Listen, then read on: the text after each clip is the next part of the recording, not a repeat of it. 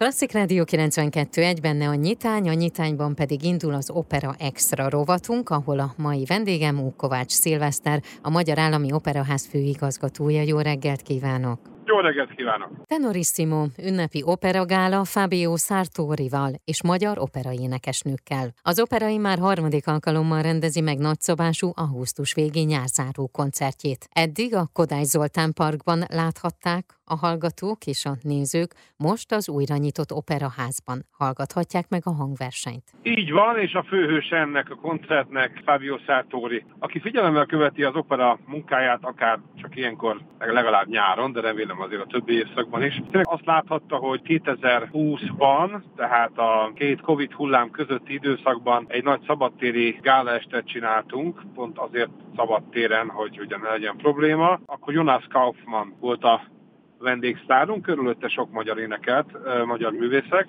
és egy évvel később, tavaly nyáron Lawrence Brownlee volt a tenor vendégünk, és Patricia Pötibont hívtuk mellé szopránnak, egy ilyen kettős vendég, est volt előtte egy teljes magyar művészek által dominált a félidővel, az is szabadtéren de ott is volt azért még némi Covid veszély. Idén meg úgy gondoltuk, hogy ez a nagy nyári, az ünnepi hétvégét megelőző gálaest, ez, ez maradjon a, a repertoáron, maradjon, legyen a hagyományunká, viszont nem szabadtéren tartanánk, most már nincs ilyen típusú görcs bennünk, és hát jóval hogy mondjam, csak ökonomikusabb is megrendezni a szép most újra kinyitott operaház gyönyörű auditoriumában, úgyhogy az operaházban lesz a koncert, és ezúttal egy már régóta invitált hőstenor mondott igen, Fabio Sartori. Tényleg egyike ő is a legnagyobbaknak. Ma más korban élünk, ma nem Domingo Pavarotti, meg Caridas ismerős a lemezboltokból, mert lemezboltok sincsenek.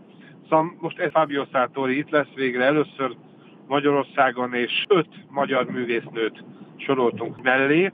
Velük énekel majd Sartori, nevezetesen Szántó Andreával, aki egyszer medzóként ékesíti ezt az estét, azután Ádám Zsuzsanna, Boros Csilla, Sáfár Orsolya és Létai Kis Gabriella, ők mind szopránok, ők is egy-egy áriát vagy egy-egy nagy duettet énekelnek Szátórival. Ezen az esten milyen művek fognak elhangozni? Valamilyen stílust rá lehet így húzni az estre? Hogy nem, mi nagyon nem szeretjük a teljes kavalkádot, uh-huh. az mhm. ilyen aszticsószerű össze mixelt dolgokat, igen.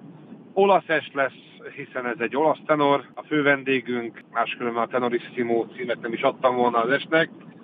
Olyan operákból, olasz operákból lesznek részletek, amelyekben azért a tenor az megkerülhetetlen szereplő. Az első félidőben Verdi és tulajdonképpen az itáliai verizmusnak a képviselői lesznek jelen, Puccini kivételével de csak pont azért Puccini kivételével, hogy a szünet után meg egy full Puccini második félidőt hallgatasson a közönség, tehát ilyen értelemben lesz tematikája az estének. Kik vesznek még részt ezen az esten? Kik működnek közre a hangversenyen? Tehát Fabio Sartori és az öt előbb említett magyar énekesnő, ezen kívül a Magyar Állami Operaház énekkara, Csiki Gábor karigazgatásával lesz néhány rövid énekkari szóló is benne, majd a kollégák által és a Magyar Állami zenekara, a főzeneigazgatónk Kocsár Balázs vezényel, az estrendezője a művészeti igazgatónk Almási Tóth András, és kedves kolléganőnk az Opera Café műsorvezetője, Gyüdi Melitta, aki mellesleg az opera protokollfőnöke is, ő lesz az est házigazdája. Még egy picit tekintsünk előre. Mikor nyit az operaház, mi lesz az első darab? Nagyon szívesen. Az első darab, amelyet, hogy úgy mondjam, a szezon részeként játszunk el, az egy nagyon népszerű táncjáték lesz Seregi László ikonikus darabja, a Makarancos Kata. Goldmark Károly zenére, koreografálta a mester, és nem veszít a népszerűségéből. Ilyen formában az újranyitott operaházban először látható, Isten tudja, 6-7 év után. Különlegessége ebben is rejlik, tehát egy egy új generáció tanulja meg a darabot tulajdonképpen. És a Toszka után Székely Kriszta rendezésében a Hoffman meséi látható, amelyet az Erkelben vittünk színre, és most először lesz az Operaházban. Jelen ez egy, ez egy kortárs rendezés, amely egy pályaudvarra helyezi a darabot, de, de remekül működik az egész. László Bodizsá lesz a címszereplő, Kolonics Klárával éneklik tulajdonképpen a darabot, ezt mondhatjuk így, mert Klári pedig a négyes szoprán szerepet viszi.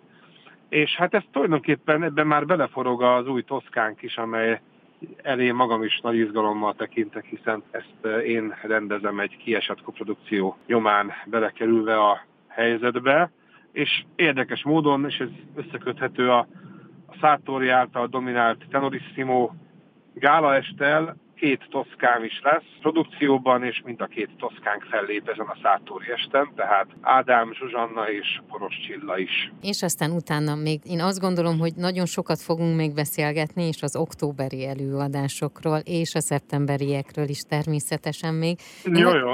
Nagyon szépen köszönöm, és akkor tényleg, na azt kívánom, hogy teltház előtt legyen mindegyik előadás. Köszönöm szépen. Nagyon jó lenne. Köszönöm szépen.